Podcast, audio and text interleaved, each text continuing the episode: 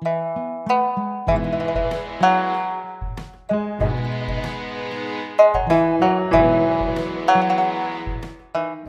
بيكم في حلقة جديدة من سلمان بودكاست.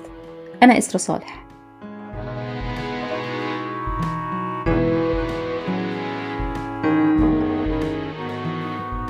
ظل راجل ولا ظل حيطة المثل اللي اتربينا عليه في الأفلام والمسلسلات وحتى في بيوتنا سمعناه بيتردد كتير.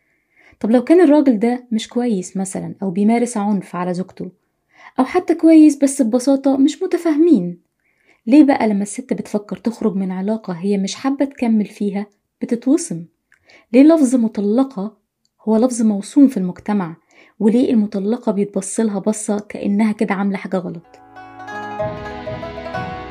في الحلقة دي هنسمع قصص من ثلاث نساء قرروا يخرجوا من علاقة زوجية فاشلة. وهنشوف رد فعل المجتمع على قرارهم ده كان إيه. بعد 13 سنة جواز رانيا أخدت قرار الطلاق بشكل نهائي. ما كانتش أول مرة تفكر في الطلاق ولا كانت أول مرة تتطلق شفويا من طليقها الحالي. بس من ضمن المرات الكتير اللي سمعت فيها زي ما بيقولوا يمين الطلاق اللي كان بيترفض بحجة إنه ما كانش في وعيه كان في ثلاث مرات منهم اتقالوا بوعي وإدراك وهي اتمسكت بوقوع الطلاق. أول واحدة بعدها كان بيكون في رجوع وتاني واحدة كمان بعدها كان في رجوع علشان الأولاد. لكن هي آخر واحدة. آخر واحدة دي كانت قدام أهلي.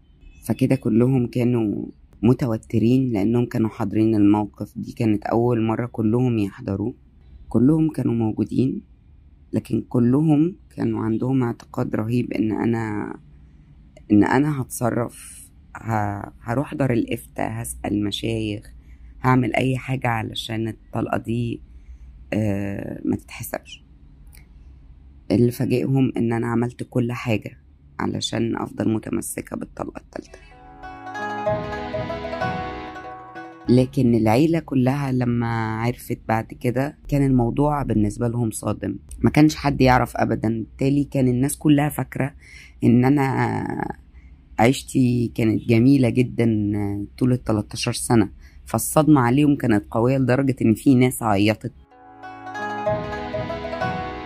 كان كان في ضغط كبير جدا من أهلي إني أحاول معاه إن إحنا نشوف صرفة. ده كان من أكتر الحاجات المؤلمة بالنسبة لي جدا لأن أنا حسيت إن أنا بترمي وإني مش غالية قوي عندهم. بالنسبة لأمل فهي اكتشفت بعد سنة من الجواز إن العلاقة دي فاشلة ومش هتنفع تستمر. بس بسبب الضغط المجتمعي كملت في الجوازة أربع سنين كمان. بعد الجواز بأول سنة تقريبا اكتشفت إنه كان اختيار فاشل. كان إنسان ذكوري إلى أقصى حد.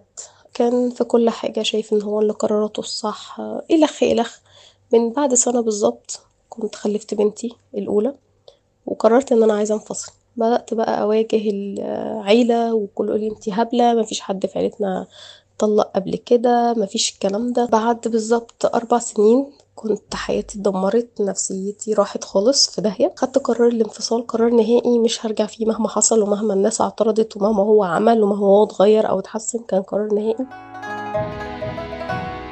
وانس انه وصل له آه اللي هو الإعلان بتاع الخلع على شركته.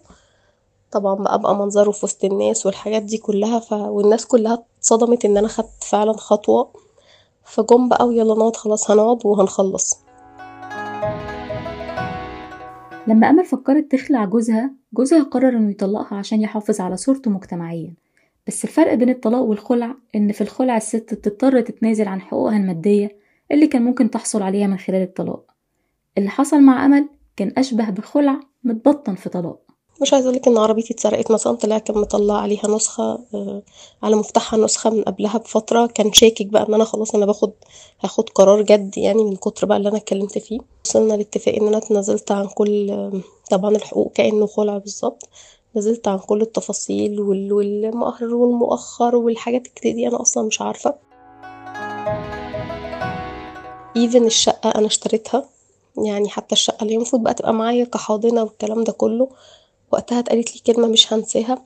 لا لا لا جو حاضنة والكلام ده لو إحنا متجوزين وبنتطلق لكن انتي بتخلعي فاحنا ما ياكلش معانا الكلام ده إحنا بنتكلم بيزنس وفاء بقى من محافظة في جنوب الصعيد ومن وقت الخطوبة كان في مشاكل كتير شافتها وخلتها عايزة تفسخ الخطوبة. بس العادات والتقاليد في مجتمعها كانت رافضة إنها تنفصل عن خطيبها وإنها لازم تكمل في الجواز. الرجالة عملوا قعدة وجابوا الحاج وضغطوا عليه علشان يكمل الجوازة وأنا ما زلت رافضة كنت رافضة في الوقت ده بس أنا ما أقدرش أعمل حاجة في الوقت ده. إحنا بنتكلم عن فترة أكتر من عشرين سنة فأنا ما أقدرش أتكلم لأن في قعدة رجالة حصلت. وطالما الرجالة اتكلمت وأخدوا قرار فده بيمشي على العيلة كلها. ولو أنا عملت غير كده آه، هيبان إن أنا ما تربيتش أبويا معرفش يربيني وبالتالي هو راجل ملوش كلمة جوه جوه العيلة عندنا. والحقيقة أنا خضعت لهذا الابتزاز وأنا شايفة إن هو ابتزاز كان ابتزاز صعب جدا على المستوى الإنساني. في الآخر أنا بنت المجتمع ده. الضغط المجتمعي اللي تعرضت له وفاء كان كبير جدا لدرجة إنها اضطرت تتمم الجوازة وتحاول تصلح الوضع بينها وبين جوزها لحد ما كمان بدأت تتعرض لعنف جسدي. أنا اتخضيت أول مرة وحسيت إن هو ممكن يكررها فروحت نزلت عن والدته كلمتها الوضع واحد اتنين تلاتة أربعة وأنا بعد إذنك كلميه علشان أنا ما حدش مد إيده عليا قبل كده. فبالتالي أنا كنت في موقف جديد عليا تماما يعني. كأن حد مسلطه ويقول له روح اديها علقة تانية. أنا خدت يومها علقة ما خدهاش حرامي في مولد. وهنا وفاء قررت إنها هتنهي العلاقة دي وبشكل نهائي. بس رغم الأذى اللي كانت بتتعرض له المجتمع ما كانش متقبل فكرة إنها تتطلق. اتكلم عني وهو ومامته واخته وهما مع الأسف كلهم قرايبي بكل الأشكال السيئة والبذيئة اللي آه، الكلمات اللي اتقالت عليا داخل المجتمع منظمات المجتمع. وحسيت إن الناس بيتعاملوا معايا بقلق بتخوف بحذر وبعض الأحيان يعني بشكل صدامي. ليه في وصم محيط بالست المطلقة في المجتمع؟ ليه كلمة مطلقة لوحدها بتعمل قلق وارتباك؟ وإيه اللي بيتغير في الست بعد الطلاق يخلي المجتمع شايفها في مرتبة أقل؟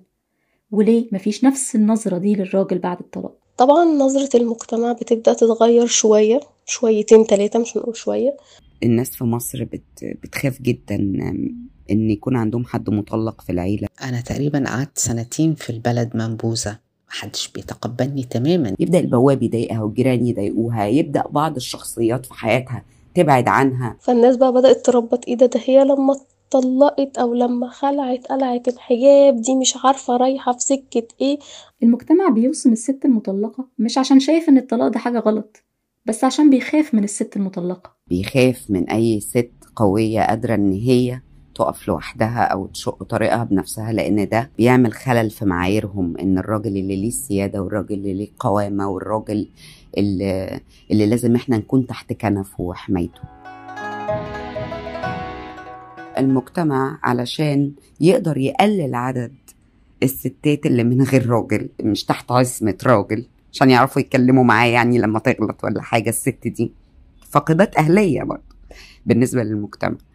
فعشان يعمل كده بيبدأ يوصمها بيبدأ ينشر إن المطلقة دي لفظ بشع اوعي اوعي تحصلي عليه بي- بيبدأ يضايقها.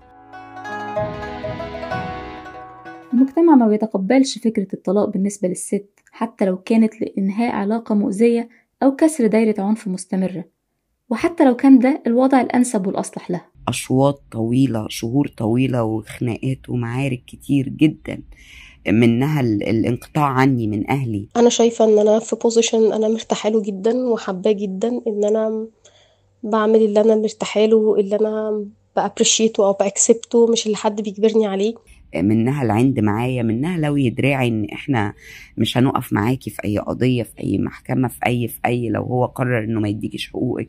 إن ده كان المسار الطبيعي اللي يحصل لحياتي ما كانش ينفع إن أنا أستمر فيه وما كانش ينفع إن أنا أكمل العيشة بالشكل ده. المجتمع بيخاف من الست المطلقة علشان بيكون ملهاش راجل فبيخافوا منها. شايفة إن هي ملهاش سلطة على نفسها كأنها ملهاش عقل إن هي تعرف تقرر هي تعمل بتعمل صح ولا بتعمل غلط.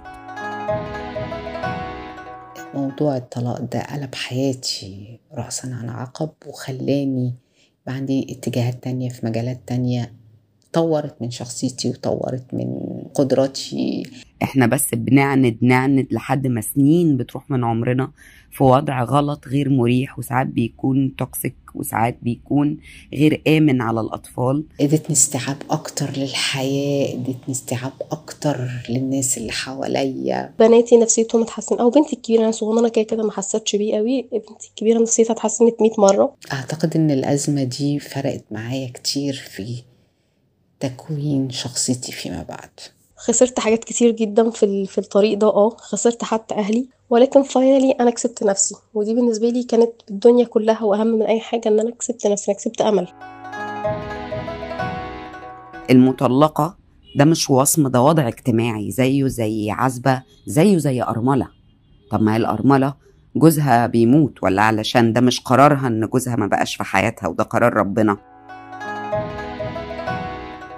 الخروج من علاقة فاشلة أو مؤذية هو خطوة صعبة بالنسبة للنساء في المجتمع. بس في النهاية الطلاق أو الخلع أو أيا كان شكل الانفصال أوقات كتير بيكون أفضل من الاستمرار في علاقة منهكة خصوصا لو كانت موازين القوى في المجتمع هي في صالح طرف ضد الطرف التاني.